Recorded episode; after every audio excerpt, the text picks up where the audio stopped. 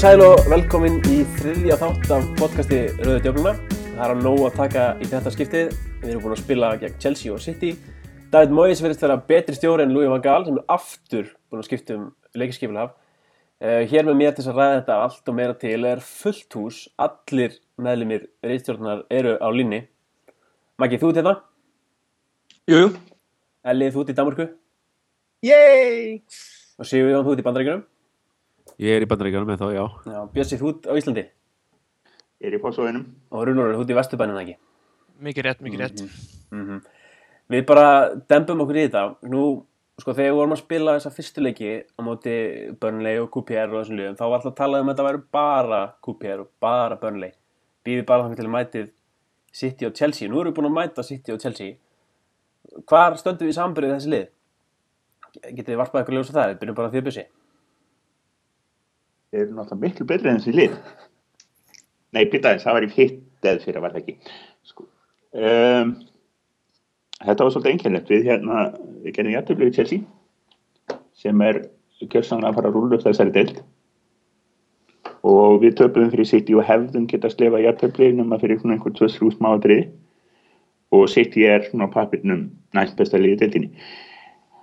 Þetta þetta var náttúrulega bara mjög gaman. Ég hérna hafði gaman að báðum leikjum fyrir utan Smáling og mér fannst alltaf skemmtilegt það sem vorum að gera í þann uh, þetta var náttúrulega ekki einhver blúsandi sóknabolti í alla 2008 en það hérna ekki við því að búast. En svona með það við vorum að, að hérna ekki að standa okkur það vel gegn bara börli og, og, og bara MK og svona liðum þá held ég að við getum komið frekar ánæðar út úr, úr þessum leikim það besta sem ég sé kannski um þetta er það að þessi leikir eru ekki leikin sem definera sísónu, við erum ekki að fara að keppum fyrst og annars sætið. Það var aldrei markmið. Leikin í næsta já, næsta mánuðin mánuð eða svo það, það eru leikir við liðin svo Arsenal og, og Southampton og, og Liverpool. Það eru liðin sem við þurfum að vinna til að fara í þriða sætið eða fjörða En við fengum bara eitt stig úr þessum leikjum Sigjón, af hverju eru við eitthvað ánæðið með það? Er þetta ekki bara umlegt? Já, sko, ef við bökkum tvö ára eftir í tíma þá var þetta náttúrulega vonbrið en þú veist, á síðasta tímabili þá náttúrulega þú veist, voru við raskjöldir gegn City og, og í basli með Chelsea og, og svo framvegis þannig að hérna þannig að þetta er klárlega betri sko, já það var svona ákveði bara allir trun gegn stórleganum í fyrra fyrir utan hérna Arsenal-leikin og Old Trafford sem gekk mjög vel. Þannig að menn er að mæta miklu, hérna, miklu meira sjálfströðst í þessa leiki núna og hérna eitt eitt leikur um Chelsea var bara mjög góðu leikur og, og hérna þú veist við fengum svona svolítið hérna gaggrinni að við skildum fagna í aftefli gegn Chelsea en þú veist við áttum í raun og veru þetta var svona típisku leikur þar sem að við vorum að spila mjög vel og, og hérna lefndi síðan undir. Veist, sama gerist ég best bróm til dæmis þar á undan. Alveg típisku leikur sem við áttum að vinna til dæmis. En klúður aftast gera það verkum að, hérna, að við lendum undir og við þurfum að, að elda sko. Og hérna en gegn Chelsea og gegn City þá voru við bara nokkuð hérna tröstir fyrir og hérna og ég myndi segja ég, myndi, ég fyrir bara nokkuð bjart sín inn í Arsenal-leikin og, og hérna og eins og, og Björnsi talar um þú veist Southampton og, og Liverpool eru leikir sem við hefum klárlega að hérna að vinna myndi, you know, já klárlega. Og, og svo er þessi leikir inn á milli sem að mann megi ekki misti þessi, þessi næsti leikur gett pala sko.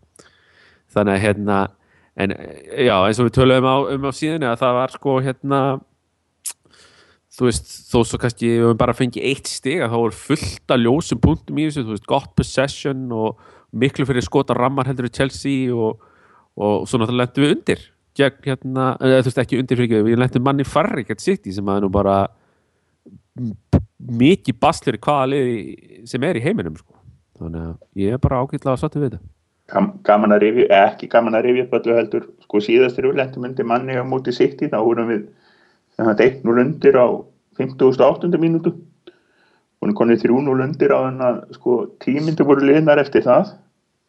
Reyndum að setja í svo skoraðum eitt mark og fengur svo okkur þrjú og síðustu 5 mínútun þetta var ekki alveg það sama núna um helgina þannig að ég held að maður getur bara verið ánægð með það. Það var, það var bara virkilegur virkilega að, koma smá stál í liðið. Það, það er ekki hægt annað en að vera ánægð með það Það er ekki þetta að líka horfa fram hjá því að, að De Gea átti ansi góðan leik gegn City og bjargaði okkur allt svakalega í eitthvað 2-3 skipti sko. en svona þegar maður lítur á possessionið og svona lokin á leiknum og, og svona heilt yfir þá var, þá, þú veist, hefðu verið 11 mot 11 þá held ég að að jafntefli hefði alveg verið mjög líkli, líkli niðurstað sko, allavega hana Já, Rúnur, er einhver leikmaður sem fannst standa upp úr í þessum tveim leikum? Uh, ég myndi bara segja að þetta er geða held ég, held að sé það er bara leik eftir leik þá verist maðurinn hann er á öðru plani en margir aðri leikmenni sem leikum finnst mér sko liðið er yfirn og leikurinn náttúrulega sérstaklega gott dæmi en veist, hann bjarga okkur á móti sitt í byrjun þú veist að líka markvæslunar var ekkert að gera fyrir nokkrum árum. Fyrir hann út á móti að guera og, og lokar á hann og fær hann svo ísi sko, ég hef ekki séð hann gera það bara nánast í fyrra sko, hann, hann veriðist vera orðin aðeins hérna, hann var aðeins aggressífari og svo kannski sást best líka hvað hann er mikill skaphundur þegar hann fær á sig markið sko. Og hérna það er mynda á honum þegar hann er hann á hnjánum með boltan í netinu og gefur svona gargand úr sér lungun sko. Það hann langar ekkert að tapa leikjum sko þannig fyrir mér er hann svona maður sem kannski stendur upp úr ja, með þærlega inn í kannski ég kannski leiði Björsa bara að tala um það Já, ég meina það hefði að vera hægt að hafa mannum peninga eða það hefði verið veðja við þá um það að fæla inn í því hrósa mikið og hefði verið gert síðustu, síðustu leiki sko. og því ég að það hefði komið smá stála miðun og það er ekkert frá því að það er, það er hann sem er komið með það hvort að það er eitthvað framtíðar framtíðar lausn og hvort, hvernig það verður, það er alltaf annað málinn en það er ekkert litið fram því að þannig er alltaf einu góðum maður sem er bara hreinlega, hann er búin að vakna hann hefur verið þunglindur eða eitthvað á síðast ári á livjum kannski ég veit það ekki en hann er, hann er bara reynilega eins og, eins og allt annan spilari hann, hann hefur ekki áhyggjur af þessu lengur þannig að hérna, við hljóttum að vera ánæði með það En það er líka náttúrulega spilar inn í með fæleginni að það hérna, eru kerfin sem við erum að spila gegn veist, þessi starri liðum sko. þar er hann liggur svolítið framar á miðjunni og, og fær leiði til þess að keira veist, inn í boksi þegar það kemur fyrir gjöf eða, eða eitthvað slíkt og, og já, fær þetta leiði til þess að svona hérna að taka það alveg með hans olbóð úti sko.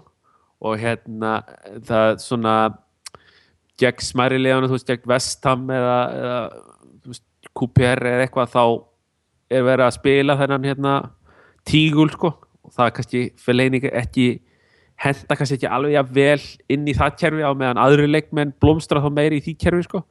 Þannig að hérna, það er mjög gaman mjög gaman að sjá hann sko í síðustu tveim leikjum. Þetta hann er alveg akkurat á staðsettur á vellinu það sem hann vill vera staðsettur og það, það sést alveg, skín alveg gegn sko. Hérna, einn punktur sem ég, ég tekið eftir oftar að fæla í er þarna svona nokkuð veginn að baka fram mér hann hann, hann myndir mér alltaf mikið að balta sig en það heima sko hann er ekki svona klassískur hóluleikmaður en þegar kemur á því að mætir í bóksið pikk upp fyrirgefir, halda boltanum þá, það er fáir betri sko komið sittni bylgjurinn í teginn það er ekki mörgir sem að skora á Evertón ég er nokkuð vissum meir hlutin að það verið í eitthvað skonar þú veist, þannig fær hann hann rétt bara millir vítapunkt og djebo og smetur hann á marki hvort það er skallega löp sko. þetta er bara að tróða þessu andin í Já, hann er svo agalega hérna, sterkur inn í bóksinu sko. þú veist, til dæmis Kompany var oft í, í hérna, byllandi vandraðum sko. og Kompany er ekki smá smíði og er nú eiginlega talin til dæmis af Neville og Carracker veist, vera besti vardamærin í dildin í dag sem því það er náttúrulega besti vardamærin í heiminum. En það marg oft sko, hérna, rökklaðist hann undan Fellaini sko, þegar Fellaini fór upp, upp í skallabólta þannig að það segir þér eitthvað sko, klálega hann kemur líka með svo tuttan erfuru inn á miðuna sko, allir hinnir eiginlega bara allir hinnir leikmennin í liðin okkar eru svona krusitúlu sko, þeir ráði ekki alveg við þú veist, Túri og Matit svona risa sem við alveg gjörsalega eh, á svona besta degi bara eiga miðina og fæla eini hann svona kannski reyna að svara okkar við því að geta svona komið hann inn á miðina og, og, og verið svolítið bulli það er eitthvað ja, sem við hefum ekki haft í svona tíma.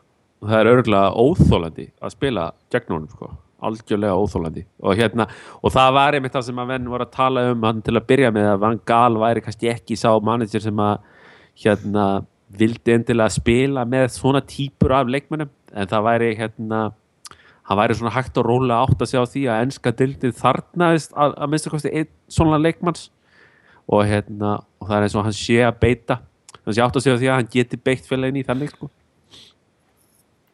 Já, það er ekkert, það er ekkert sko spurning við náttúrulega vitum það að Jæja Túri hefur náttúrulega verið líkil maðurinn í þessu sittilíði síðust árin. Og hérna, og það er ekki tilvunna núna þegar hann hefur verið frekka slag og þá hefur sitti verið slag og, og á móti kemur að Chelsea er að, er að fara hann að hann fyrir múið, það er, er Matits komin inn. Og, og það er enga tilviljanir sko, þannig að hérna hvort að, hvort að hérna hvort að fellagin verður bara allt í þessi maður sem getur herja svolítið á miðun og það, það væri bara rosa gaman. Ég ætlum ekki að vera neina að telja neina telja heilu hæsna búin eitt strax en, en þetta var bara frekar skemmtilegt myndi ég segja. Já, nú var hérna Vein Rúni að koma úr banni þryggjaleiki bann og hérna Eli, fannst þér eitthvað munur á þessum tveim stórleikjum með án Rúni, hann spilaði í, í sittileiknum en ekki tjálsileiknum fannst þér hann kom með eitthvað sem vantæði til dæmis í tjálsileiknum Nei, þú miður, það verður bara að segja það. Hann virkaði riðgæður í þessu leik og þráttu þess að ég persónulega var ánæðið með framistöðu United í báðu leikjunum. En veist, sem er eitthvað förðulegt að maður hugsa út í það að er, við fengum eitt stig út úr þessu tveim leikjum. Það er svolítið sérstök tilfinning. En nei, mér fannst, mér fannst það samt betri Mata sem var alveg horfin úr þessu leikjum hérna sem hann hefur verið að spila. Hefði getað nýtt tækifæri og bara komið rúni út úr liðinu. Nei, mér fannst það svolítið slagur en það hefði vonandi bara kefið með formið. Ég veit ekki hvort það sé búin að vera einhverju einhver þunglindi eftir að láta reyka svo út af. Vonum að þetta sé bara það en ég vil samt alltaf sjá hann í liðinu. Ég finnst Júnætti bara alltaf betra þegar hann er inn á vellinum að stjórna það frammi en hvernig það fer? En ég vildi samt nefna eitt varandi sittileikin hvað er langt síðan að við horfum á United pressa svo við gerði í endan á þeim leik það er orðið ansi langt sem ég mann eftir að séu Júnit gera það. Þannig að Bjössi, þú ert nú hérna statsmaðurinn Já, sko, ég, ég, ef það væri startsifir þá var ég góður, en ég man ekki raskat En sko, þið gerðu þetta líka í Chelsea-leiknum. Þið lettu undir motið Chelsea.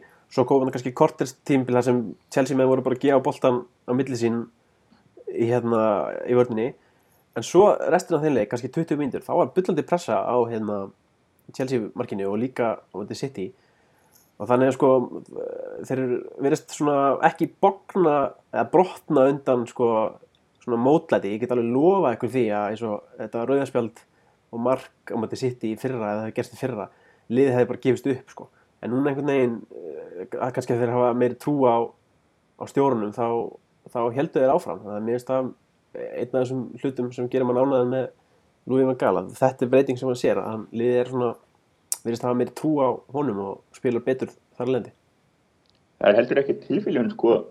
Við erum með fleiri leikmenn þannig sem að hafa ekki spila fyrir nefn annan stjóra hjá Jónatið enn hann hær og það hjálpar. Það hjálpar sko við erum ekki lengur með það mikið af mannum sem eru sko æsi maður þetta var svo gaman og förgi og gekk svo vel maður ég nenni þess ekki. Sko það er eiginlega bara búið og hérna eitt af því eina á ástafunum fyrir að við náðum að pressa svona mikið á móti sítt var það að Pellegrini hreinlega gerði þau mistök að taka minner út af. Það var eitt af því sem gerði það að við, við gátum pressað. En í fyrra jafnvel þó að það hefði gerst þá hefðum við ekki gert það, jafnvel þó að við geta og það var líka það sama nákvæmlega það sama í Chelsea-leiknum var það sko United var virkilega ógnandi á Chelsea allan fyrirhálegin og, og leiðið til dæmis Fellaini til dæmis tók Fabregas alveg út úr leiknum. Fór, þeir reyndu að, hérna, að finna hann stanslöst og setja boltaninn lappin á honum og það bara gekk ekki.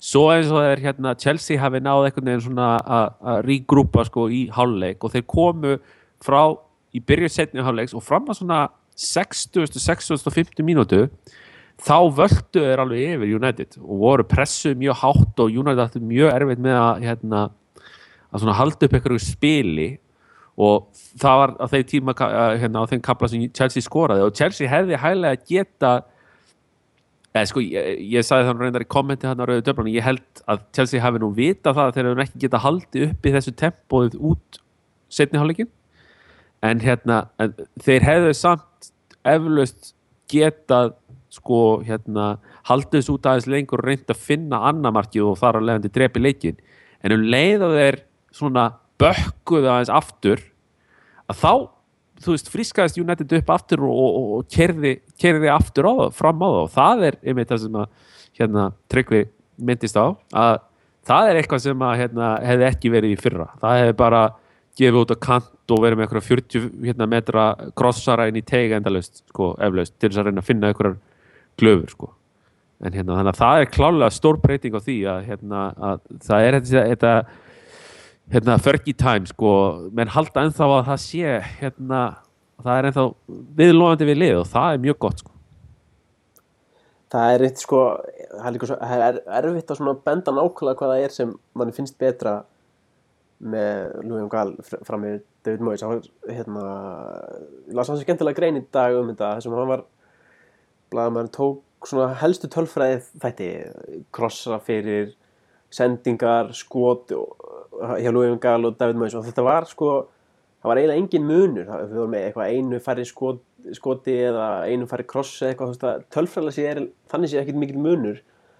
En bara það lítur allt öðru sér út.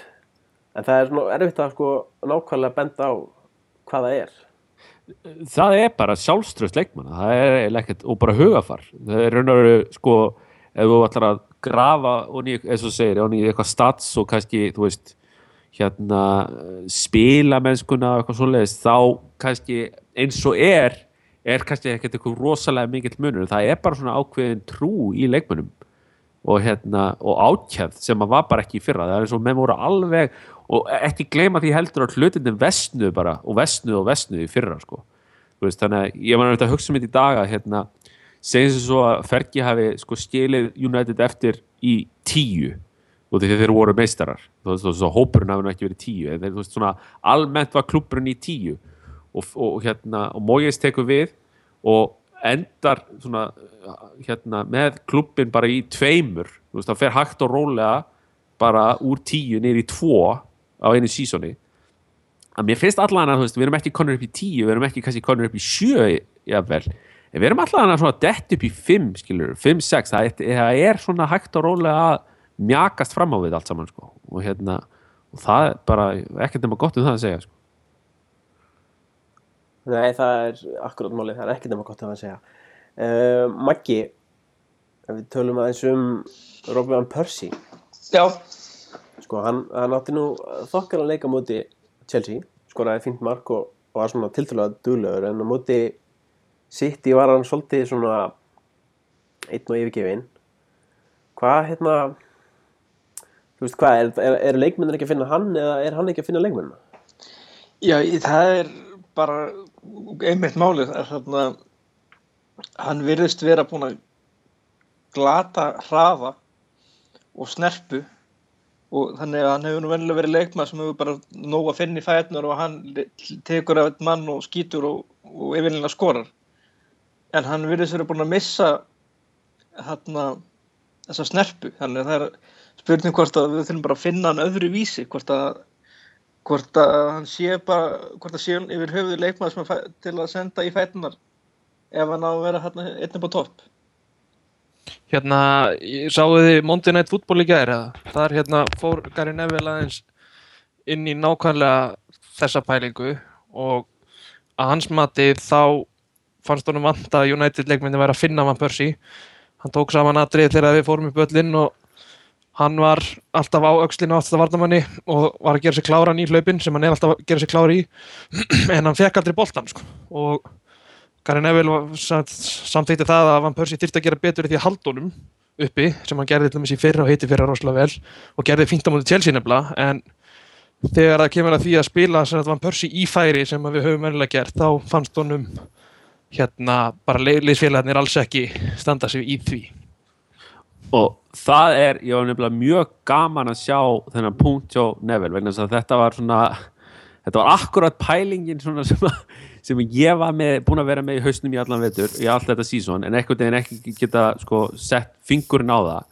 Og er það að, að sko á meðan miðjumennir sko, skóls og karrager voru stanslöst að leita eftir hlaupinu hjá Van Persie hversu oft fekk Van Persie boltan svona lúpbolta yfir vörnina og hann tók hann niður og sett hann skilur, eða sett hann í fyrsta til dæmis eins og gegn Aston Villa. Við sáum þetta í sumar á HM þú veist þegar hann skorar ekkert spáni með skallanum. Þetta er svona, þetta er hlaup eins og Rúnóður talar um, hann, hann hangir á öxlinni á aftastavarnum hann og tekur síðan svona þvert á hlaup á hann. Þannig að varnamæri þarf ekki bara einu að fara að hlaupa aftur á bak heldur hann þarf líka að snúa sér við hann þarf að snúa sér við og síðan að byrja að hlaupa og Van Persie er þá komin með þú veist, þrjú fjóðu skref á hann. Og þetta voru, þú veist, Karraka til dæmis og skól snillingar í að, í að finna og Rúni líka. Karreker Já, Karrekar í, í hérna í, í Karrik, minnur fyrir ekki Karrik. Sorry, sorry, sorry, sorry. Hérna, já, Karrik. Voru snillingar í að finna þetta á meðan núna þá finnst svona eins og sko þegar að boltarnir koma þú veist, út á kant eða er þú veist, á, mið, á miðjumönunum þetta er það sem að Neville til dæmis var að minnast á að þá vilja menn voða mikið bara leita að næstu sendingu er bara á mann sem er næstur þér sko. Svona, þú veist, í sömu línu. Þeir, þeir, þeir horfa ekki jafn mikið upp á Van Persie eins og þeir gerðu og það er í sjálfur sér ekki Van Persie er ennþá að hlaupa sömu hlaupunum búin að vera að gera í tíu ár sko þannig að þetta er kannski ekki alveg allt saman Persie að kenna sko. Ég veist þessi gaggarni svolítið óslengar að einleiti hann var algjörlega átt rétt á sér að sko hann var tók alltaf deili blind fyrir að hann ætti að vera að gefa þessi sendingar en getur við ætlast til þess að- að maðurinn sem á sko að vera að vernda vörnina sé að taka svona áhættu sem sendingar og eiga þá í hættu þá að fá ef, ef, ef sendingin klikkar og fá þá allt sitt lið eða bara þau lið sem er að spila á móti, á móti sér sko. og þú veist hversu margir leikmenn í heimsfótballturum í dag geta bæði se- setið djúpir fram á vörnina, varið hana og gefið svona hættulega sendingar Ég veit það ekki, en hann á klárlega að vera í United, svo leikmaður. Er það ekki? en, sko, en, ekki en, en þetta, þetta var mjög valið punktur með þessar sendingar og sérstaklega þessar sko, uh, hérna, þessar háu sendingar svona yfir öxlina og varnamannum og það er rétt hjá, Skóls og Karrik og Rúni voru mikið í því, en á miðinni í síðustu leikjum hafa verið sko blind sem mér finnst hann, hann getur potið gefið sendingar en meðan hann er að spila hann aftast þá finnst hann að hann ætti ekki að vera að reyna sendingar mjög mikið. En sko svo erum við með Di Maria kannski á miðunni og Fella Íni og þeir eru ekki mikið að gefa háar sendingar. Þeir eru, Di Maria er miklu meiri að hlaupa og renna og meðan Fella Íni er bara eitthvað starf að tuttast. Þannig að spurning hvernig ef Karri kemur á miðuna hvort að Van Persie fari þá að njóta sinna aftur eða þá bara hvort að það séu seint fyrir hann fyrir kallin og að- að Rúni og Falka á séu að fara að taka sætin á hann já, Já, það er að- eitthvað. Ég held að það sé að fara að gera sko. Eh, allavega ef að Falka og hættir að meðast, þá, þá fer hann að spila og, og hérna, já þá fara þeir að spila saman og það, það, við sáum það í hvað, tveim, þreim leikjum sem þeir náðu að spila saman og hérna við sáum það að þeir, þeir náðu þokkalega saman þannig að hérna þannig að það er ekkit, er, er ekkit slemt ef að hérna ef við fáum það. En hérna en annars það er bara, ég, ég fann að þetta er kannski ekki tímapunktur til að tala en ég fann að hlaka mjög til að sjá hvernig líðið lítur út í mæ Já, og svo er þetta náttúrulega líka hérna, spurningum eins og kerfið sem að veist, það er verið að rótita kerfinu svolítið en þá og, og hérna sum þessara kerfa hendar vann persi klálega betur en önnur og, og hérna og meðan þá veist, segjum kerfi A hérna hendar já, hva- hvað er það? Það er kerfi vantarlega 4-1, 4-1 svona taknilega séð sem að þeir spila núna, spila núna ekki City og Chelsea, þú veist, það henda til dæmis Fellaini, það geti hugsalega, þú veist, henda Van Persie ef að, að Carrick kemur aftur hann inn á miðuna, en þá aftur á móti virðist þess að Di Maria sko, er svona svolítið pinnaður út á kant sko, og fær ekki að, að valsa um eins frjálst eins og hann kannski gerði á móti veist, þegar þeir eru að spila hérna, hérna teningin sko. Að þá hefur Di Maria miklu meira plástur þess að valsa um á vinstri kantinum og fara þá inn, inn í hólusvæðið sko, með boltan á löppunum. Og það kannski hendar þá Van Persie ekki jafn vel og veist, þannig að þetta er allt svona veist, það, það, það á ennþá eftir að púsla þessu svolítið saman. Þannig að það er alveg spurning sko þú veist, þú talar um tryggvi að blind er kannski ekki maður sem ætti að vera að taka þessar sendingar á Persi en blind og Persi þekkja náttúrulega báður hollendingar úr, úr landsliðinu og, og hérna þekkja hvort annar mjög vel. Þannig að það ætti nú að vera partnership sem að hérna ætti að virka alveg ágætlega en það er eins og sé, það er eins og eitthvað sé svona smá púsluspil en þá og það er kannski einhverju leikmenn sem bara munu aldrei einhvern veginn aftur blandast inn í liðið sko, maður, maður bara veit það ekki. Já, Nú, sko, nú, nú rámar mig eitthvað aðeins í eina sendingu þannig frá Danny Blind inn á Robin van Persie í sumar sem einhver annar kannski mann eftir líka. Já, ég er ekkert efast um að hann geti það ekki en ég er að segja að hann er ekki endilega að vera að gera það þegar hann er að spila sem djúpa varnamæður sem á að verða vörnina ef hann fekk kannski inn á miðra miðinu þá má hann endilega byrja á því sko. En ef hann ætlar að gera þá þarf hann alltaf að að velja stundunar mjög varlega. Svo að liðið fá ekki á sig hérna byllandi skindisókn Nei, það er alveg Er þetta sama stað og hann spilaði í Hollandi eða? Nei, hann var eh, hann ekki í bakvörðu eða svona vang Nei. vangvörður einhvers Í deildinni í Ajax, þá var hann djúpur og valinn besti leikmann Já, í hann, þeirri spil, stöðu. hann, hann spilaði þar sko held ég 50-50 uh, 50 helmingleikina í djúpur og hinn helmingin held Já, ég á, í bakverðinu en hann var, á HM var hann í í þessari sérstu vang bakvarðastöðu þannig að þetta er mjög fjölhæð leikmaður þetta er að nota hvað sem er sko Er- John O'Shea? Já, nýja Jonas Shea ég er alltaf að list mjög, mjög vel á, á, á blind og hérna mjög sáttu við það að hann hefði verið keiftur þó svo að það er svolítið fallið í skuggana af því að, að Di Maria og Falcao og þessar stóru, stóru nöfn komu sko, en þú veist, hann er hann er klálega einn af þessum varnamönnum, hérna, svona miðju varnamönnum sem við virkilega þurftum á að halda og hann getur aðeins hann verður aðeins betri bara með tímanum sko. þannig Ég að meina, liðið stór batnað að leiða hann kom inn í byrjunlega. Það er ekki spurning um það. Já, Neville líka myndist á það sem var, veist, hann er svo óbáslega klár í það að hlaupa í rétta stöður sko, þegar hann er ekki með boltan og hérna, og, og draga menn þar að leiðandi sko anstæðinga úr sinni stöðu og þannig búa til pláss og þeir sýndi þetta svona oft trekk í trekk og þetta, eh, þetta er mjög hann er mjög, eins og það er talað um hann er afskaplega gáðar leikmaður þannig hann er alveg óbúslega hollensku sko. hann, þarf hann skilur auðvitað nákvæmlega hvað Louis van Gaal er að fara á æfingum sko, því að þetta er alveg innprentað í hann sko, þetta, þetta hollenski, hollenski skóli sko. Já, og skemmur ekki fyrir hann, hann getur skitta fyrir utan þig.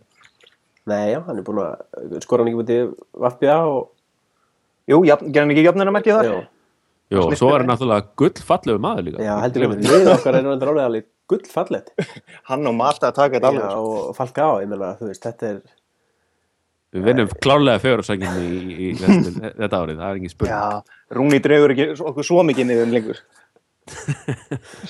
hann þarf að fara í ein, eina hári í, græsli viðbót og þá var þetta fínt sko já, hann er þetta að hára hann við fara að þýnast ískikilega Já, ég tók eftir því. Hann þarf að sætta sig við það að vera með skalla, sko, þetta er ekki hægt. já, þetta, var, þetta kom svo vel út sko, eftir þessa að- fyrstu aðgerð sko. Hann er, já, en þú veist, hann er var hann ekki bara miklu betri eftir að hann fekk hári Jú, hann raðaði Jú. inn mörgólum eftir að hann fekk hári Sérstaklega það var með ennisbandið. Það útskýra Já. fyrir raun og Heyrðu, raun vill einhver ekki taka það umræð Heyrðu, eitt árið við förum að þessum uh, stöku leikmannamálum hérna uh, við, uh, það tóku einhverjar á okkur eftir því að að flestir að, að engillin okkar var, var svolítið ósýnilegur uh, einhver sem vill tjá sig um það Já, það er hérna, Di Maria, hann er búinn að spila á kantinum síðustu tvo leikina.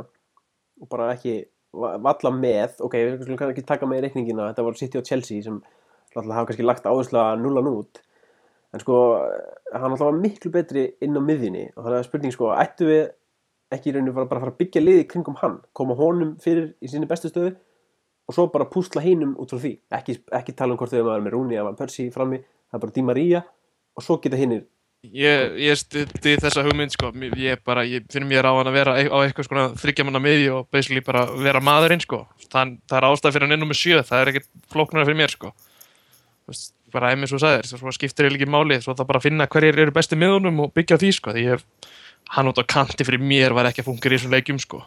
Nei, ég er alveg samanlega því. Hann er svona eiginlega aðal kalli núna í liðinu og ættum að byggja í kringum hann. Rúni var það fyrir nokkurum árum en Di Maria er það í dag. Ég, líka, ég var að rifja upp grein sem hérna, Michael Cox af svona marking skrifaði uh, í, bara í loka ágúst held ég þar sem við varum að tala um hvar Díma Ría myndi hugsalega koma inn í lið. Og þar koma með mjög allir svona punkt sem ég bara hreinlega vissi ekki að það er að maður held að þetta væri kantmaður. En hann sagði sko að eiginlega á engum tímapunkti ferðlega hans hefur hann spilað mikið á kantinum, hann har alltaf verið einhvers staðar á þessu miðju svæði sko. stundum, hann har alltaf sagði hann stundum verið í þessum vang bakverði en ok, við erum ekki að fara að hafa þar þannig að hann, hann er miklu meiri miðjumar heldur en kantmaður þó að maður hafi kannski haft aðeins ímynda á hann sem kom fyrst sko.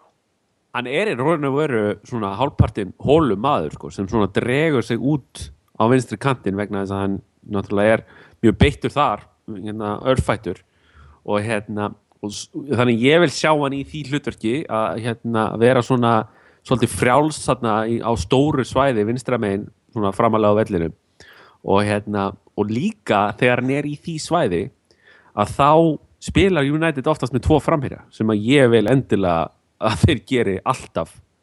Og, og það hérna er stór hættulegt að vera með, þú veist, hvort sem það er Van Persie, Falcao, Rooney veist, þarna frammi með sko Di Maria þarna, þú veist, eitraðan rétt fyrir aftar sig. Og jável mat, ég er náttúrulega, ég er matamæður þannig að hérna, ég er ma matsmaður. Og hérna og það væri það rosalega flott að fá eitthvað svipaðan leikmann hæra megin sko. þú veist, Janus Sæ verður sá leikmaður eitthvað tímann en hvort hann sé endilega þú veist, kannski réttist maðurinn í það akkurat núna, ég veit það ekki en þú veist fylla þá stöðu með svipuðu leikmaði væri, það væri mjög, mjög gott mál sko. Ég finnst, einmitt að þú minnist á Janúsæ, maður hefur náttúrulega heilt núna, sko, ég, ég, hef, ég hef séð Janúsæ hreinlega rakkaðan niður, alveg kjörsanna, eftir þessa tvo þrjáleiki, núna sem hann hefur fengið. Og, og ég verð að viðkynna það, ég, það síður alveg svakalega á mig. Uh, sko, Adnan Janúsæ á að spila þegar Louis van Gaal treystur hann til að spila uh, sem sagt fitness-like, eða eftir í, þegar, þegar hann hann á að spila þá leiki sem hann á að spila hann á að kvíla þegar hann á að kvíla en þegar hann ekki að kvíla þá á hann að spila eða ég skilji hvað við sko, við, við, við erum með mann í höndunum sem getur orðið sko, er ekkert sem segir hann, get, hann, getur orðið næsti Andersson þess vegna, ef hann, ef hann, ef hann fer þá leiðina. En hann getur líka orðið sko, næsti Di Maria.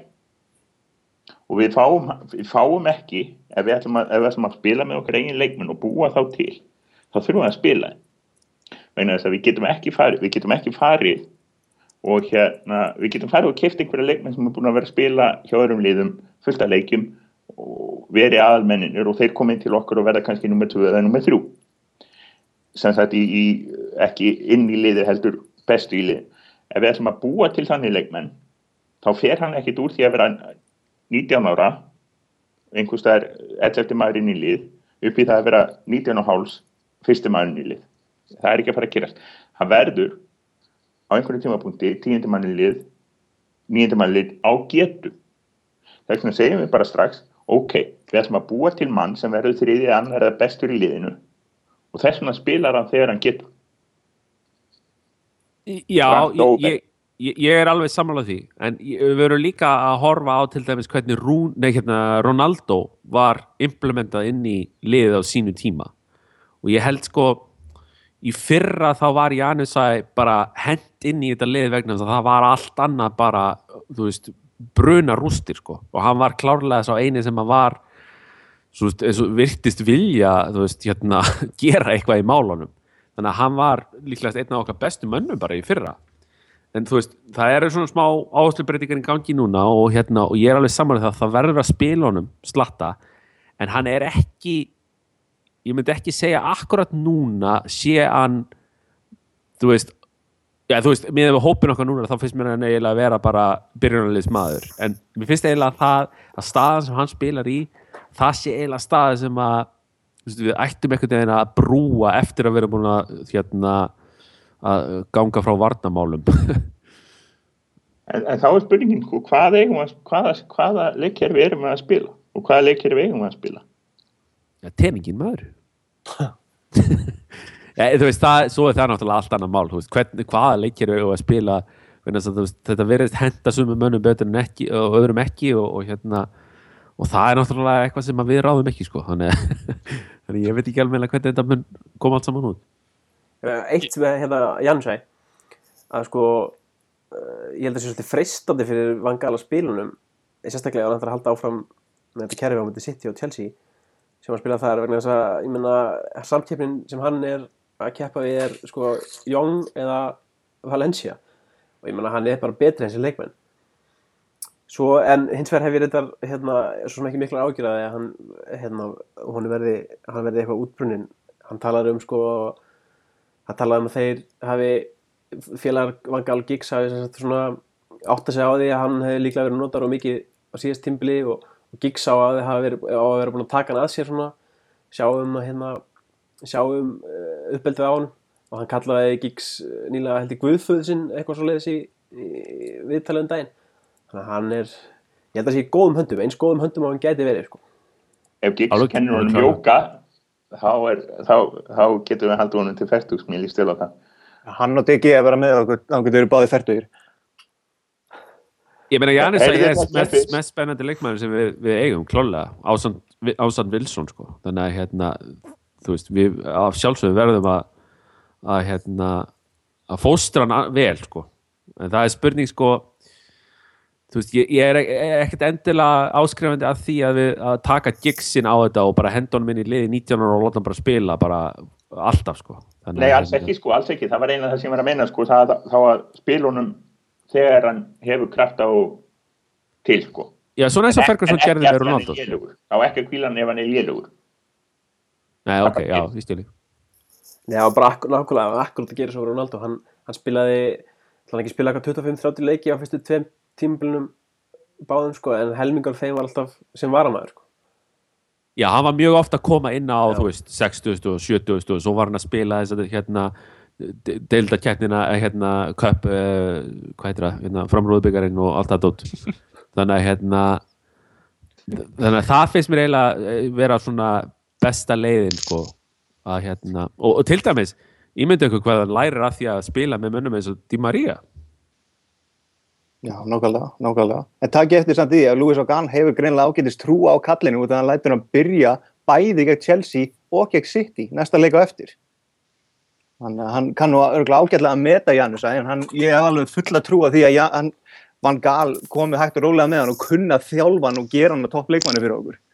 mengar á ekki því en hérna, Svo- ég, ég, ég, vil tróða okkur aftur inn í leikkerfumfræðina vegna þess að þetta hefur verið sko, first off 5-3-2 er dögt það er búið að grafa það það er, það er sko leggsteinn og allir komið það þarf ekki að einhvern að ræða við ef, ef, ef að hlustendur okkar mun ekki hversu það er leikkerfi að spila þá, þá geta það bara að rifja það upp. En, en, en við erum konið með eftir að Angeldi Maria kom til þessins sem við ekki spila það.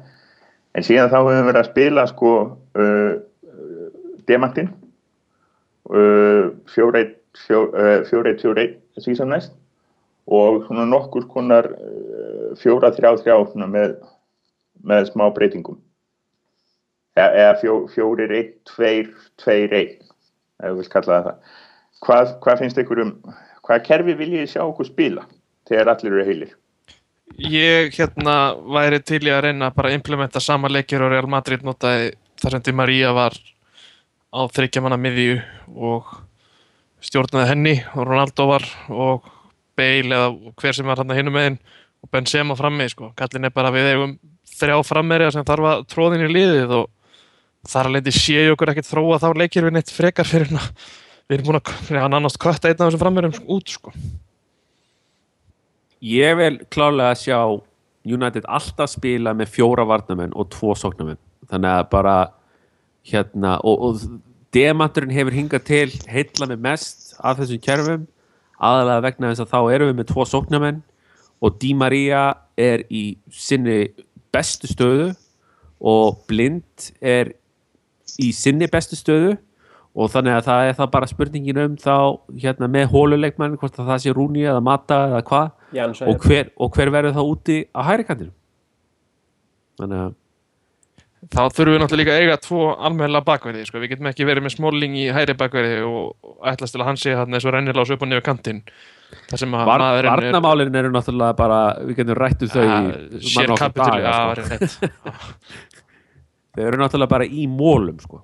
bara út af meðslum og út af bara alls konar málum og hérna Tryggvi tók þetta náttúrulega saman hann en já, Já, við skulum ræðum taka- þetta kannski eftir bara Já, tökum við vartamála hans eftir. Sko, ég, ég er svona eiginlega sömu línu og Sigurjón, það eru fjóri vartamenn og, og tveiri framherjar, sérstaklega með þetta lið sem við erum núna, þá getum við einmitt haft blind þarna fyrir aftan miðuna og, og Di Maria í sinni bestu stöðu og þá er líka pláss fyrir Mata eða Janus Ægi hann í hólni og, og tvo framherjar. En ég skil hins vegar alveg akkur að hann notar þetta kerfi sem hann notar nota á móti City og Chelsea, því þá er hann með sko í þessu, demantakerfi þá einhvern veginn var alla hefði eins og þeir hafa spilað hingað til þá einhvern veginn var þannig að blind var eftir á miðunni og allir hinir voru einhvers stað frammi.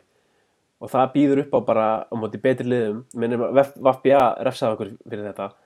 Þannig að betri lið eru svo sannlega að fara að gera það. En með uh, uppstendingana sem hann nota móti City og Chelsea getur hann einhvern veginn haft sko þrjá menn meira á miðjunni. Meðan hann er með sko þá fleiri menn frammi. Þannig að ég, sko, ég hefst alveg líklegt að hann hérna, líklegt að hann haldi áfram að, að rótur svona, hann er, veist, ok, hann er yfirleitt nota fjórum fyrir þrjá, en hann er svolítið óhrættu við Rúi Vangal gegn tíðin að hann nota sér fleiri en eitt leikir, en ég held að hann muni nota þessi tvö, demantinn annars vegar kannski móti svona minni spámunum og svo í þessum uh, erfiðu leikjum þingri leikjunum, þá skipta hann yfir í hitt. Við skulum ekki gleyma því að hann gerði mistök gegn Vapja að því að spila ekki demantinn. Því að hann munið til því að hann spilaði hérna 4-1-4-1 vegna þess að hann ætlaði hérna að uh, svo- svona segja, testa það kerfi fyrir stóruleikina og þa það var einmitt það sem að svona olli svolítið, svolítið hérna vesinni allan í þeim leik. Hann sagði nú sjálfur að það hefði nú verið besti leikurinn okkar í vetur sem er kannski, já, erfitt að meta en tölfræðilega séð, þá var þetta örgulega með betri leikunum okkar, sko, ég meina Vafbja, þeir fá tvö skot á markið og þau koma bæði úr varnarmistökun, sko, Rafael er ekki línu og fyrsta markið er bara sjó veður líka út úr línu og, og þetta er bara, þeir eru ungi varnamenn og eru staðsendingarlega vitlusir, sko, annars þá held ég að ef þau hefum sleppt því þá hefði þessi leikur örgulega bara silt heim í mjög þægilegan 2-0 sigur að mínum mati sko, hefði ekki lent undir hann að náttúrulega tvisvar sko. Vi, við vorum með næst yngsta liðið í topp 5 deildinum í Evrópu þá helgina, mútið Vapja að þú segir tala um unga varnamenn Já, sem útskýrir alveg rosalega margt myndi ég segja. Menna, ég bara hendur í og Ferdinand og Vítits í gó- góðum árum í hafsendana hann og við fáum ekki á okkur þessi tvö mörg sko. ég fóri nánast að fullera það. En, en já, en það ég, ég vil bara sjá ég, ég er eitthvað miklu spenntari fyrir leikmönnum heldur en kerfum. Ég hef alltaf ég spilaði aldrei fótbolta eftir þannig að væri alveg á í því. Og kerfi eru svona leiðir að markmiði en, en leikmenn er eitthvað sem ég er alltaf meira spenntari, fyrir.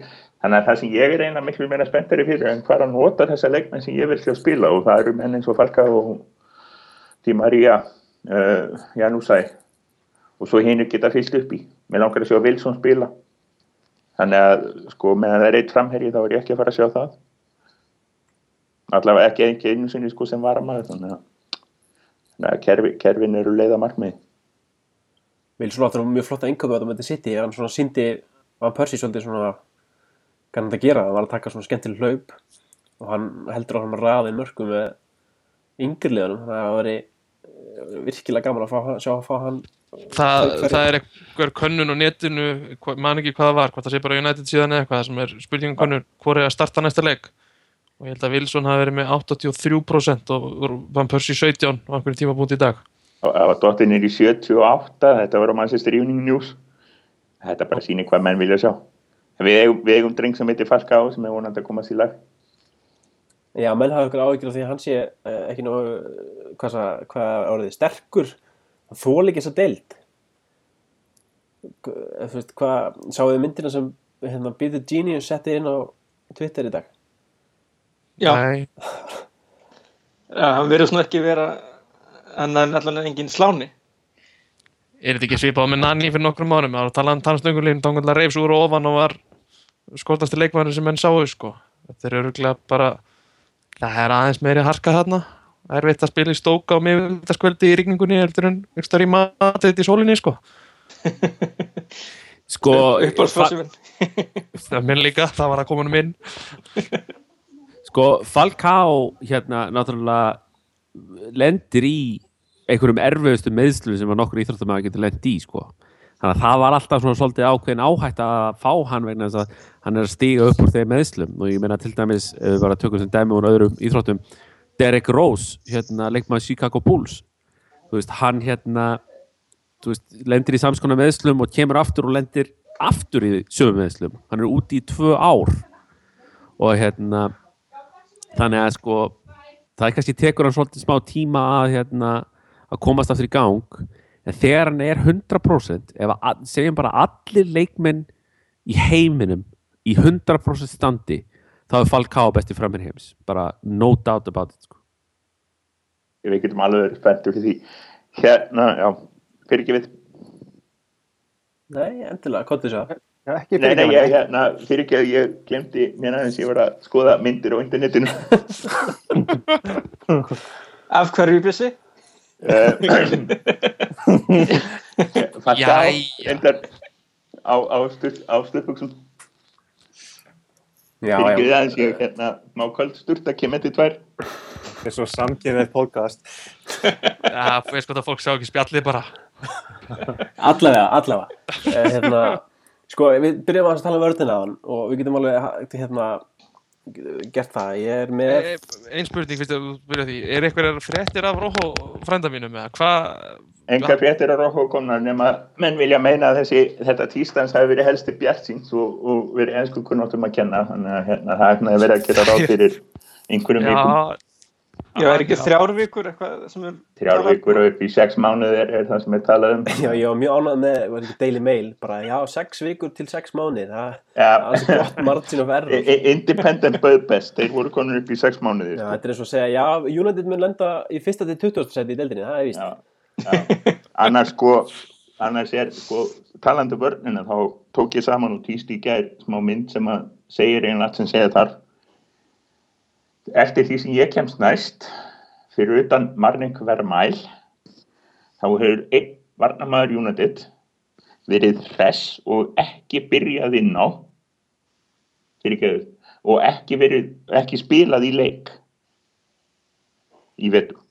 Það er að segja fyrir utan Patti Magnér sem var ekki skorin byrjunleismadur fyrir hann var allir núna byrjunleismadur fyrir utan hann, þá er einn leikmaður vörning hún verið sko hress og ekki spilað og það er Tyler Blackett sem átti hann einn leik sem hann kvildi á móti MK og svo hefur hann ekki komið inn á í síðustu tveimur af því að hann var í einhverjum meðslum eftir hann fekk rauðarspöld annars hefur við hreinlega við höfum verið að spila með þá leikmenn sem hafa verið heilir. Já, ég er með smá tölfræði til að bæta við þetta. Og það er hérna að Chelsea er með sjö leikmenn sem hafa spilað alla tíu leikina á þessu tímubili Southampton sem er í, er þeir ekki öðru sæti? Jú, þeir eru með uh, þeir eru með átta leikmenn sem hafa gert það. United er með einn. Það er David ekki og, og sko, ef við tökum miðvarapör þá er Chelsea búin að spila einu miðvarapari í tíu leikjum, það er Terry og Cahill og vissulega hefur Zuma komið inn, en þeir hafa alltaf byrjað með Terry og Cahill uh, Southampton hafa spilað með tvö miðvarapör og, Fonti hefur spilað alla leikina. Svo hafa Aldeveld og Jósíta skipt sín á milli, City hefur spilað með tvö miðvarapör, Company all, alla leikina og svo Dem Kjelis og Mangala skipt sín á milli, United er með eitthvað 1, 2, 3, 4, 5, 6 og ef við tökum bætum við City leiknum þá er eitthvað 7, 8 og nota bene við erum að fara í nýju vegna þess að Rojo er meittur og Smalling verður í banni í næsta leik. Og nota bene sko við vitum ekki hvort Evans og Jones verða konið tilbaka um næstu helgi en að við getum verið að horfa upp á sko Blackett og Magnér um næstu helgi. Það leiði mér náttúrulega fínt. Það er bara að pröfa maður. Það, Ég- það ég- ég spennandi. ég man ekki hvort ég er búin að vera on the record ég fer það on the record núna. Ég spái því og er tilbúin að veða svona gegn, gegn hendugum odds að hérna Blackett og Magnér verði nema að vera keiftur varnamaður eftir jól. Þá verða Blackett og Magnér hafsendaparið okkar alla, alveg fastir eftir jól þið heyrðu það hér fyrst. Ég, skil, Já, ég tek þessu veðmáli alveg bara. Ég tek þessu- bara ég, að ég er erum allavega fjórum á beinu Fjóra á móti einu, ég var næst búin að taka þessu. ef að það er ekki generous odds strákum mínu þá veit ég ekki hvað er sko. þetta er gefins bjór. En, en þú veist til dæmis sko hérna fyrir leiki gegn Vafbja ég hef nú ekki séð hérna uppfæslu á þessu statsi en hérna United hafði notað 30 mismunandi leikmenn það sem aðverða þessum tíðanbili Já, Að- því 31 með Carrick. Já, á þessu tíma, á þessu punkti. Það, mér finnst ofta að gleymast, þú veist, hann var náttúrulega að nota leikmenn sem hann var samt eigin að fara að selja, sko, ég veit ekki, hann var að nota leikmenn í fyrstu leikjunum, þú veist, náttúrulega út um meðslum allt þetta, en, þú veist, svo kom bara leið og glugginn var að loka, þá náttúrulega bara henda hann fullt af leikmenn út, sko, ég held að það ruggli svolítið myndin okkar upp að því marki að, hann var alltaf að fara að skipta út einhverju leikmennum, sko. sko, ég er, fyrir utan, sko, Jesse Lingard sem fekk hann að tækifæri í fyrsta leiknum mjög verðskuldað og mittist, auðvitað. Þá erum við með, sko, svo erum við með MK Dons leikinn sem var rotering annars er hann hreinlega að, spila þeim leikmönnum í byrjunarliði sem eiga að spila. Hernandez byrjaði hann eitt leik. Varamenninir hafa verið sko það er bara þurft að spila þessum leikmennum fyrir utan MK Donsleikin sem bætti örglega einhverjum sko örglega nokkrum, nokkrum sko við. Og hérna það er Vermael, Janko, Powell, Andersson, James, uh, Sinchi og, og Danny og Javier sem er basically allir út sko. Þetta eru þetta eru hvað séu leikmenn eða átta leikmenn? Þetta eru átta leikmenn sem eru basically ekki með lengur. Þannig að við skulum alveg draga átta frá Já, en samt sko, þú voru líka að hugsa út í það á, á öðru tímabölum en til dæmis tölum við það að, í, með þessu statsi var til dæmis talað um tímabölu 2008 og 2009 þá notaði United 33 leikmenn allt tímabilið. Og 2011 2012 notaði 31 Þú veist, United hefur líka farið miklu lengra í til dæmis Capital One byggandum heldur en bara fyrsta umferð og það er til dæmis verið að rótita leikmennum alveg gríð og erg þar Já, já, en það væri og þetta, þetta var all leikmenn sko, eða sem þetta fyrir utan þannig eru, þannig eru ykkur þrýr eh, einn seldur, nei, tveir seldur og, og þrýr farin á lán. Sem er náttúrulega var þessi rótering sko.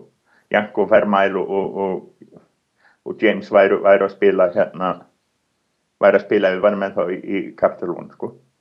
Andersson er einhver staðar á sportbúðum jörðu. Undir eigin þung. Skilst, Hann að á æfingu. McDonalds eitthvað staðar um daginn bara, hann er örgulega bara þar en þá.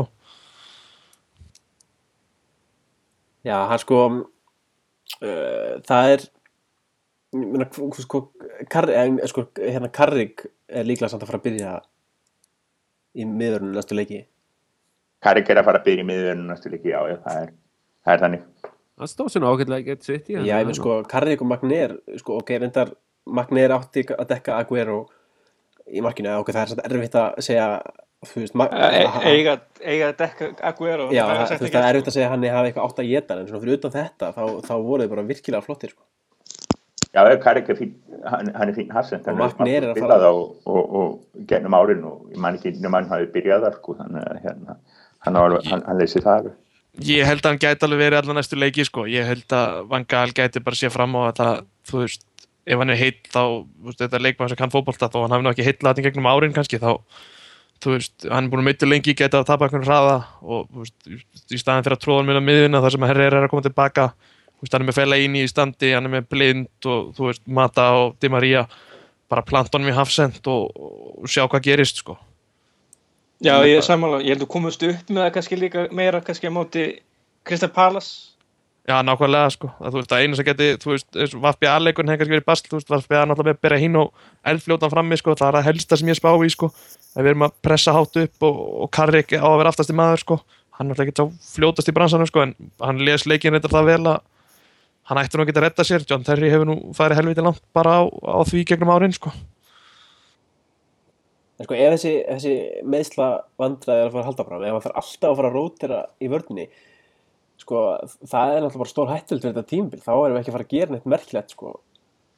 Mér finnst það alltaf ólíklegt, ef hann þarf stanslust að vera að rótera þessu dóti, þá, þá er ég orðin nokkuð svart sko.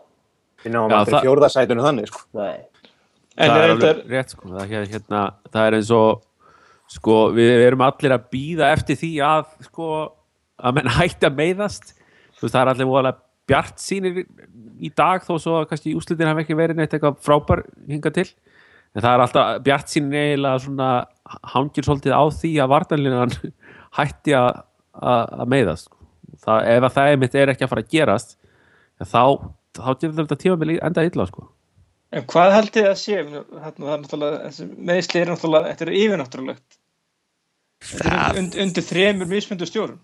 Það þarf að fara í eitthvað grunn sem er í gangi, það er eitthvað rámt sem er í gangi, það segir mér enginn að þetta er pjúra óhefni, sko, það bara er ekki sjens. Nei, og, og hver eru líkurnar að við erum með hvað frá 5-6 leikmenn og þetta er allt mestu meðsli pjessar í dildinni. Það, ég kaupi það bara ekki alveg. Það lítur að vera eitthvað systematist að eh, þjálfun. Sko, undir, ég, já, mér skilst náttúrulega að Van Gaal sé nú dugluður um að láta menn æfa mikið og það getur vel verið að við séum bara að keira menn allt og fljótt í gang eftir meðsli veist, það kemur, Phil Jones verðist ekki kunna, sko, ef hann stígur á fótboltaverð þá fer hann að staða 110% og hleypur gegn steinveg þess vegna, sko. Það verðist ekkert vera neitt skiluru það þarf bara að tjóðra niður og að draga hann á æfingum þegar hann að koma meðslum en, þú veist, restina liðinu ég, veist, menn meiðast og koma tilbaka í tvo leiki eins og Evans og meiðast aftur og ég veit það ekki, þetta er En það er náttúrulega ákveðin kvati eins og með varnamennina til að sko, fá þá aftur fljótt og hægt er. Skilur Já, algjörlega, sko, það, það er mitt annað, sko, það er aldrei neitt heili varnamenn, Nei, þannig að bara leiður eitthvað, sko.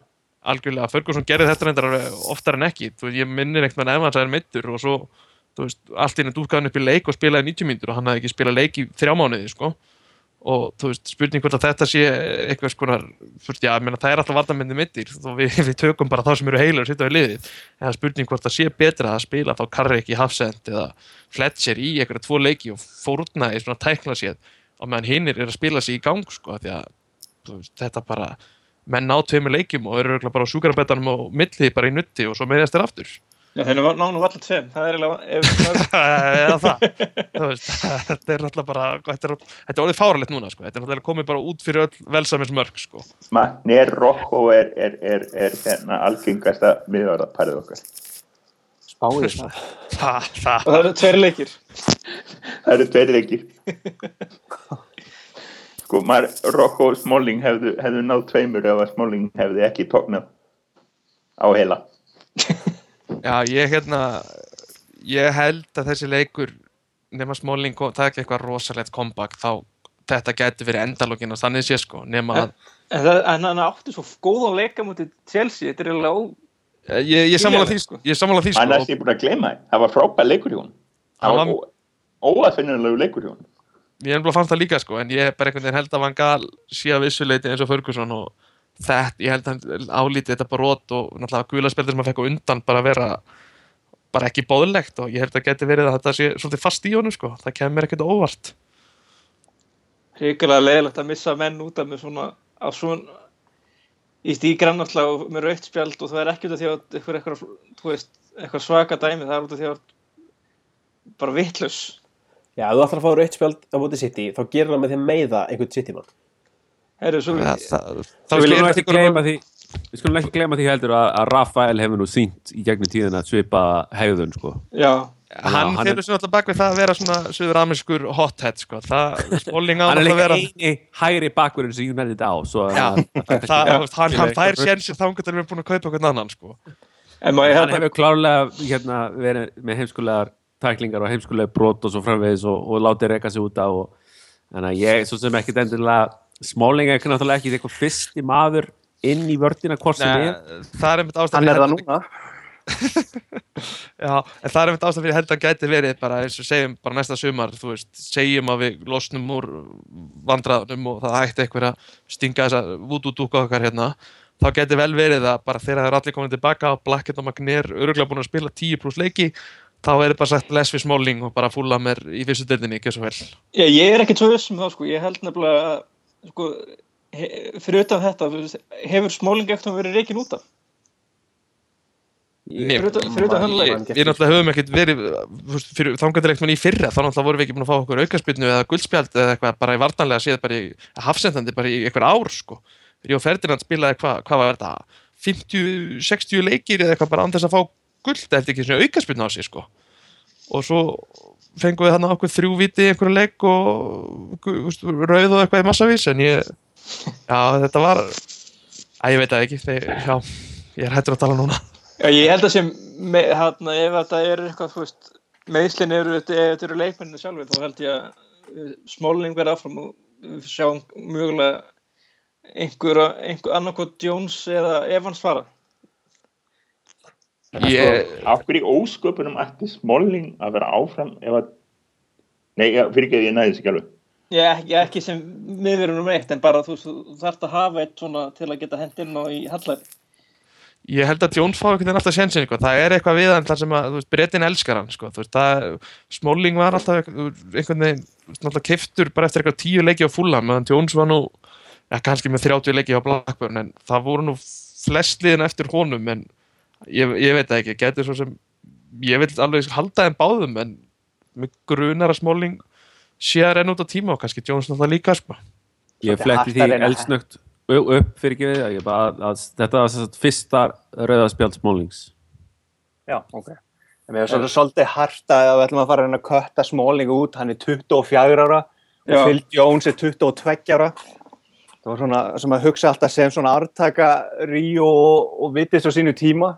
En, En spáðu- ég, ég vil alls ekki sko, sko losa mig við þetta, það er ekki út af einhverju getu eða skort þar á, það er eiginlega meira út af ef þetta eru menn sem er alltaf með þessu hvort það sé þá spurning að sé bara hvort það sé þess virði ja, sama pæling hér sko. ég er mikill aðvandi begja manna en eins og sagði Sama það er- hér. menn þurfa að geta að spila meir en tíu leiki á sísunni til að vera skulda að það að vera United sko. En er það er nú ekki samt oft máli að þegar menn eru yngri þá oft eru menn að pikka upp leiðinda meðsli sem lagast oft setna, setni luta tíma, eða svona setni luta af fellinu. Brian Robson braut á sér löppina þrísar á einu ári. Þegar hann var hjá Vestbróm hann var 19 hann var 19 Jú, ég, ég er samanlega því sko, ég hef oft einhvern veginn heyrt þetta, mér minnir að Velbek hafi verið í tómu tjóni mitt bara í kringu títugt sko og eitthvað rétt fra, þar fram yfir sko. Alltaf í njánum og eitthvað en, en þú veist, við erum bara, við megum ekkert við taltið annað þegar það er framherri sem er mittur sko, það er einhvern veginn, er hægt að bjarga því en, en þegar þú ert með hafsenda sem getur ekki spilað meir en tvo leiki í röð, þá, veist, þá verður eitthvað að að Já, ég, ég, ég er alveg sammála því að þeir eru ekki tilbúin til að vera aðal hann varnaparið okkar. En, en að losa okkur við þá finnst mér aðeins og svo fljótum fyrir það núna. en það fer alveg eftir í sko. Eh, núna getum við aðeins fara að tala um það. Það, það er svona að fara að styttast í janúar. Það er ekki nema, ekki nema hvað þrýr mánuði til jóla og eitthvað svo leys allavega ég vil að það sé þrýr mánuði til jóla. En hérna en, en, en ég heyrði jólalag í útvarpin í dag í auðlýsingu það er mest að fyrða ég sé enn hérna ekki búið að stinga mér inn fyrir manndróp en ég hérna en allavega það er, það er alltaf verið að tala og við fengum tvær fréttir í dag sko. Uh, Guardian segir að við erum ekki að fara að kaupa neitt í janúar. Og svo er er alltaf verið að tala um það að, að hérna, Mats og Kevin séu bara veist, því sem næst búin að kaupa sér hús í Manchester ef ekki annað. Þannig að hérna, það gæti sko það gæti alveg allt gerst í janúar. Það gæti heilmikið breyst ef við kaupum Mats Hummels í janúar ef. Þá náttúrulega þarf ekki að ræða það neitt mikið meira að Chris Smalling er farið hérna ef við kaupum Kevin Strootman í janúar þá er eitthvað mikið að fara að gerast á miðinu hjá okkur líka. Hérna og ef við kaupum ekki sem sagt ef við kaupum hvorugan í janúar þá, þá er eina ástæðan fyrir því að við kaupum ekki eitthvað svipað næsta sumar er svo að, að, að sko já, Blackett og eða Magnér eru búin að slá í gegn ég sé ekki sko ég sé ekki Jones eða Smalling eða Evans sko stíga það svakalega upp að þeir verði á þeim klassa sem við erum greinin að leita þannig að ég held að þetta er, mér, mér líður rosa lengi ég, ég er að horfa á þetta sísón sem svakalegt sko transition sísón við erum að sjá rosalega breytingar á bara vistum ykkur í hverjum leik bæði út af meðslum að því að nýju leikmenn er að koma inn nýju leikmenn er að spila sig með liðinu.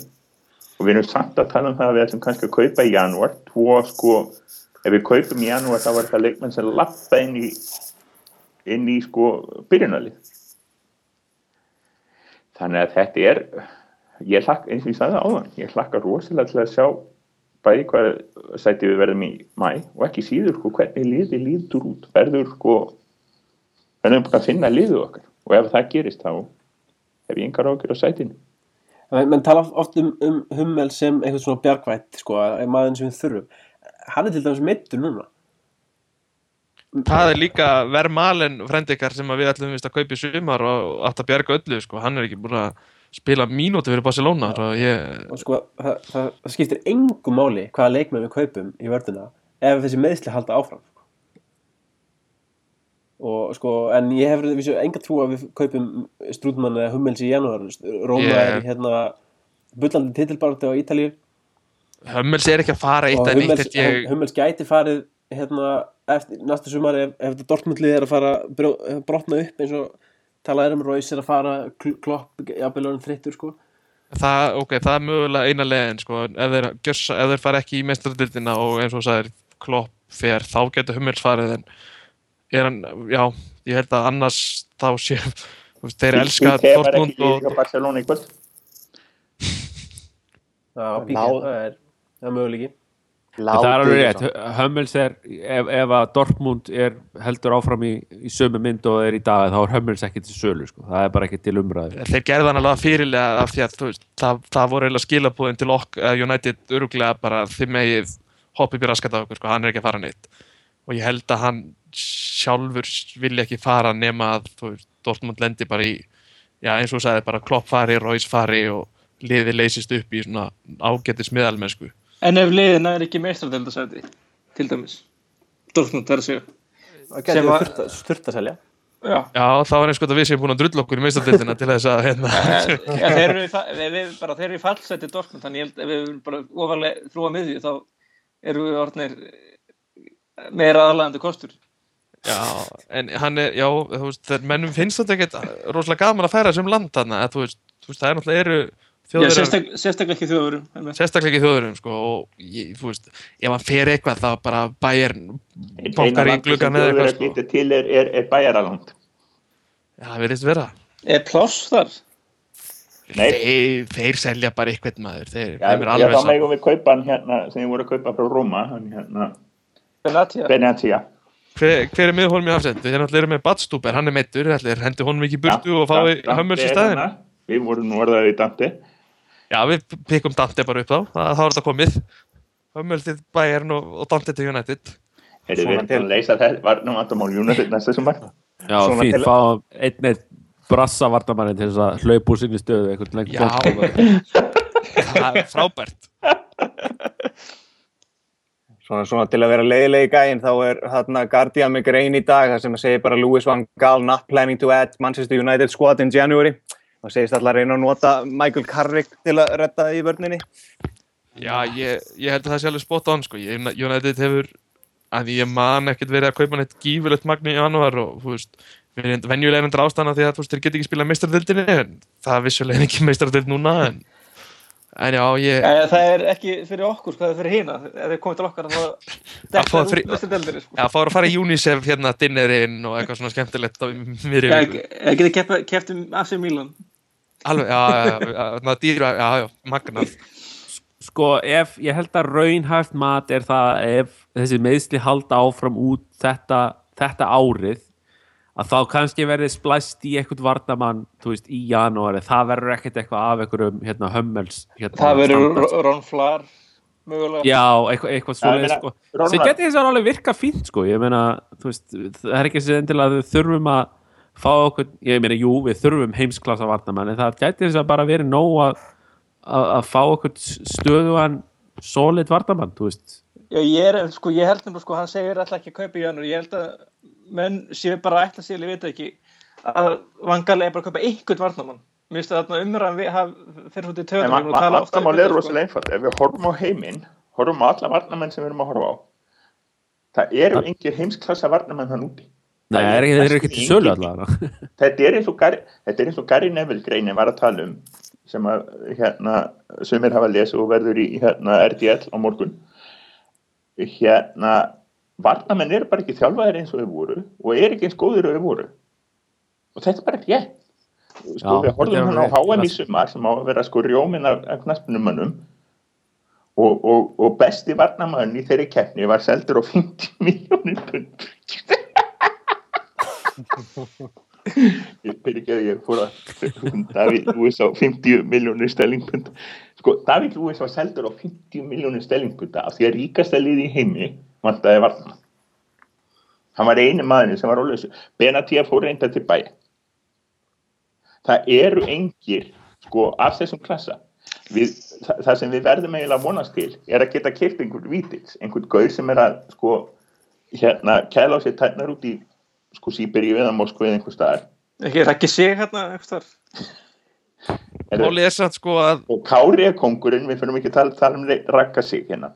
Sko. en, nei, en, en það er eiginlega besta vonin ég ætla að fá einhvern gaur sem ég er sko ekki orðin heimsklasa varnamann en við eigum svo mikið af þeim varnamennum eh, Það, það er planið, það, það er allir hans Það var alltaf planið, sko, það var þetta endalus að kaupa leikmenn á, á, á 17 til 20 miljónir sem að yrðu æðislegir eftir 2 það hefur ekki gengið upp en á móti við kemur já, þá þarf að byrja því að selja áður við kaupum. Þá, þá þarf það að losa það við Smalling og einhvern annan því að við getum, nema, jú, jú, ef við reiknum með því að séu bara 5 hafsenda mittir þá náttúrulega þurfum við að vera með 10 hafsenda bara að klára.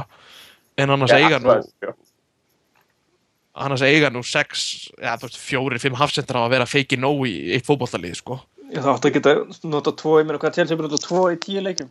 nákvæmlega og já, þú, það, þú, þú, vilt stöðuleika en þannig að við erum basically með sex það sem við erum að nota alla alla og sjöundi maður verður núna karek Og svo þegar hann meðist, þá kemur eitthvað áttundi. en þá kemur við, já, já, ég, ég er hættur að spá í þessum vanda, vandamálum sko. Já, já. bara, en, ég, en þe þetta er allavega sko en eins og ég segi, þetta er leysanlega vandamál Ron Val leysir allan fjandan í þessu Já, Er- sko, undir venlega kringustæðum myndi maður ekki vilja sjá hann, sko, en... en, en er hann ekki samningslaus næsta sumar eða er ég eitthvað rugglega það? hann er samningslaus næsta sumar þannig Sko, að hann- hann, hann er samningslaus 29 ára hann gæti alveg verið Já, sko- fínasta laust með að hann gali er þjálfæri sko, í Einmitt. 2-3 ár sko. Nákvæmlega. eh, jafnvel, jafnvel svo hann væri bara lausn í hálft ár hann þyrfti ekki hann að koma inn núna skilur við, spila þennan hálfa vetur koma okkur í fjórðasettið ekki meiðast Getur við ekki bara gefið þeim En- klef, klefeli bara í staðin? Erum við ekki búin að því? Já, nánast. En, en, Ekki, sko, ekki alveg, en, en er ekki búin að mittur líka? eða?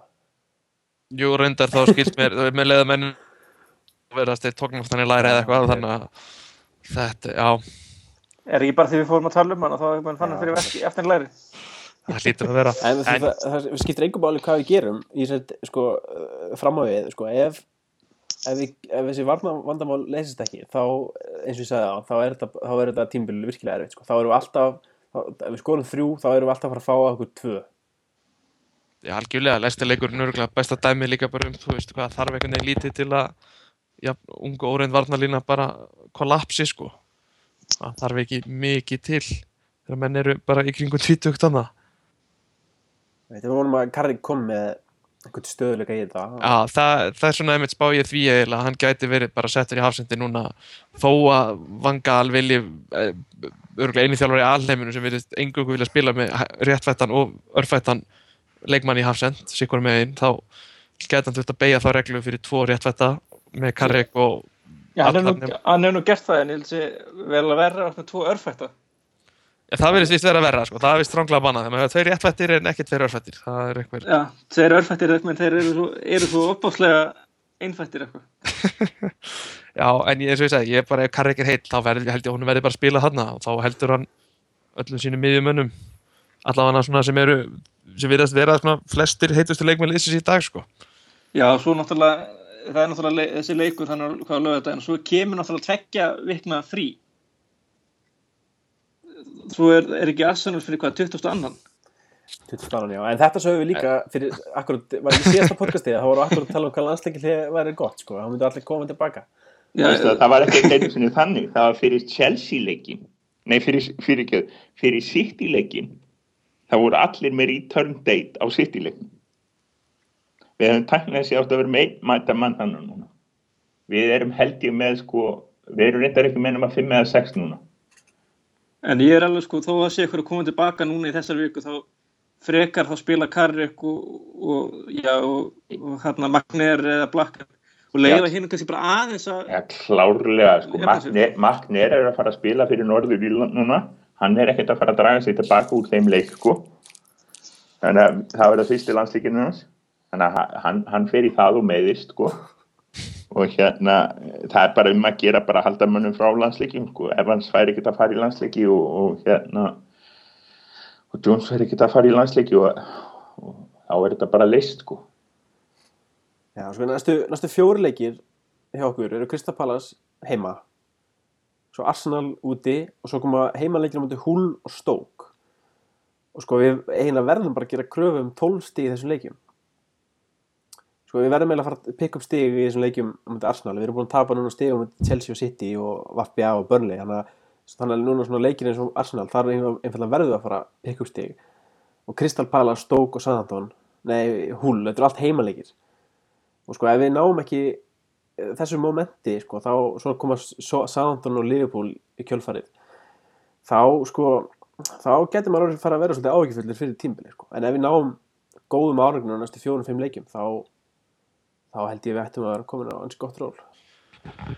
Já, við þurfum að koma okkur allan á eitthvað rönn fyrir jól og helst að halda því aðeins út jólin. Þannig að alltaf, alltaf búist við einu fáranlega tapum jólin en við erum alltaf búin að tapa stigumældi á móti einhverjum þremur af fjórum, fimm næstur jólum í deildinni sem er náttúrulega ekki boðlegt. Og já, eins og sagðir við þurfum, ef ekki væri fyrir Alexis Sanchez þá hefði ég engar áhugjur Arsenal. David Moyes stókst ekki að tapa fyrir þeim sko. en sá maður náttúrulega það við þurfum, að, þurfum heila varnamenn í þann leik allavega meir en eitt sko. Ég hef ekki áhugjur á Arsenal maður þeir, þeir þeir, þú veist, þetta er, hör, er hörkulegið sko, að það bara, það vantar eitthvað sko, og- ég hef engar áhugjur Arsenal sko. ég er bara áhugjur Alexis Sanchez sko. sá maður er ekkert hluta á þessu Arsenal-programmi sem við erum vannir sko. nei, nei, það er Ha, ég horfði á Arsenal leikin um helgina og vinna, hann ákvað bara að vinna hann leik það var bara hann, það var ekkit annað sko. Já, og þeir, þeir ákveðu, það var ekki fyrir að hann fór út á móti andelegt eða ekki sem að þeir ákveðu að tapa eða þú veist, gera jafntöfli þeim leik sko. þú veist, ef hann er inn Þrjúnu lifir og Já. þrjúnu lifir en sko fyrst erum við að tala um meistradildina er, er City að fara að detta út? Er það ekki staða þannig núna? ef ekki, ef ekki að telja þær það- ef ekki að býða með það þá þeir eru búin að tapa fyrir hérna með Fernandín og, sko, og en- hérna Túri í banni Ef, ef þeir og fara í Európkeppna þá myndi ég segja að þeir voru ansi sterkir kandidatir í það. Og er ekki rétt skilið hjá mér að Sigurðan í, í þeirri keppni fær núna? hún fer í Champions League. Já, og Já. þannig að þeir myndu fara sem Þa, það, það verður örglega eins og með hitt að það, það hérna það verður Það- þá bara dreigið af. Nei, það, ég held að sé búið að bæta við að það megi fara fimm þá frá nú er það þannig. Ég held að sé búið, ég held að sé búið að breyta þannig. Þannig að við erum kannski að fara að horfa á það að næst tímbil verið fimm seti þeir, þeir eru alltaf að fara að gera saman við United sko. ég held að sé jú, okay, það er endur ekkert mikið að leikunum kannski sem að spila mikið í Champions League þarna, en ég sé það ekki fyrir mér vera eitthvað rosa peppað í Europa League sko. ég Nei, ég veist það. geta alveg fyrir út bara það þeir að komast í Europa League til að byrja með. Og það, þeir eru neðstir í riðilinu sem stendur held ég. Já, það er alltaf lífbúl, Þeir eru að fara að detta út í sínvili Já, er jú, samið með það meistar þeir Ég ég veit það ekki, þetta er bara eitthvað, eitthvað second class maður, Ofnlegt eitthvað Evróp kjartaði við, við, við höldum okkur við England og, og hérna áfram England og, og England er best. Hérna, eigum við að- við taka eina spurningakonunni hérna, finnst að Nani er í umræðinni, vilja eru möguleik að fá hann tilbaka í janúar og vilja menn fá hann tilbaka þar hægt eða? Nei, já, klárlega. Ef það er hægt, þá vil ég fá hann hann er með, hann hefur skrúa á sig hausinn hann aftur, hann hefur farið aðeins heim og hann talar, talar fjárklega um það, hann vilji koma aftur. Þetta sé bara, þetta sé bara na, Já, hann fekk náttúrulega fimm ára samning í fyrra sko. já, Það er- að veist, hann er, hann hann- er ekki að fara eitthvað ódýrt sko. Nei, hann er ekki nynnu kaupsamningi hérna heldur hjá Nei, þetta var eiginlega, ég held að þetta hafi verið allt saman sko hluti af Róhó dæminu, hann alltaf fór á móti og við borgum launin hans, þannig að í rauninni kostaði Róhó 20 miljonir og hérna, þú veist, ég held að það hafi eiginlega verið bara neyðin að fá hafsend frekar en eitthvað annað sem hefði lánað Nani, sko. Ekki Það það, sko, Já, það er það er alveg, alveg klárt mála að til dæmis, þú veist, þarna hæri kanturinn að hérna, Janusæ, ef hann er ekki að spila þá er það Mata eða, eða, eða Rúni sem er sett að þeir hafa nú aldrei náða að leysa þessa hæri kantstöðu eitthvað sérstaklega vel þannig að, og hver er þá næsturinn? Valencia og Young Já.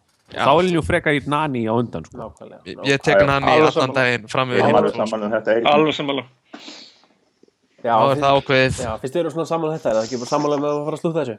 jú, ég held að þetta er ágætt. Er. Þetta er góð- Góða 90 mínútur hérna með mistæðlega var í gangi bara. Eh, stundum- Við bara segjum þetta gott núna, ég veit ekkert hvernig við tökum upp næsta podcast, það er, það verður bara komið ljós. þegar við erum búin að heyra 12 stig Já, 12 stig, segjum það bara. fjóra Bara leiki segjum það bara. Er það bara planið? Ah, 12 ah, stig og þá er podcast. Já. Heyrjumst í janúar Herri, já, við vorum að Já. hafa gagn og gaman þessu og hérna við erum bara vel að lifa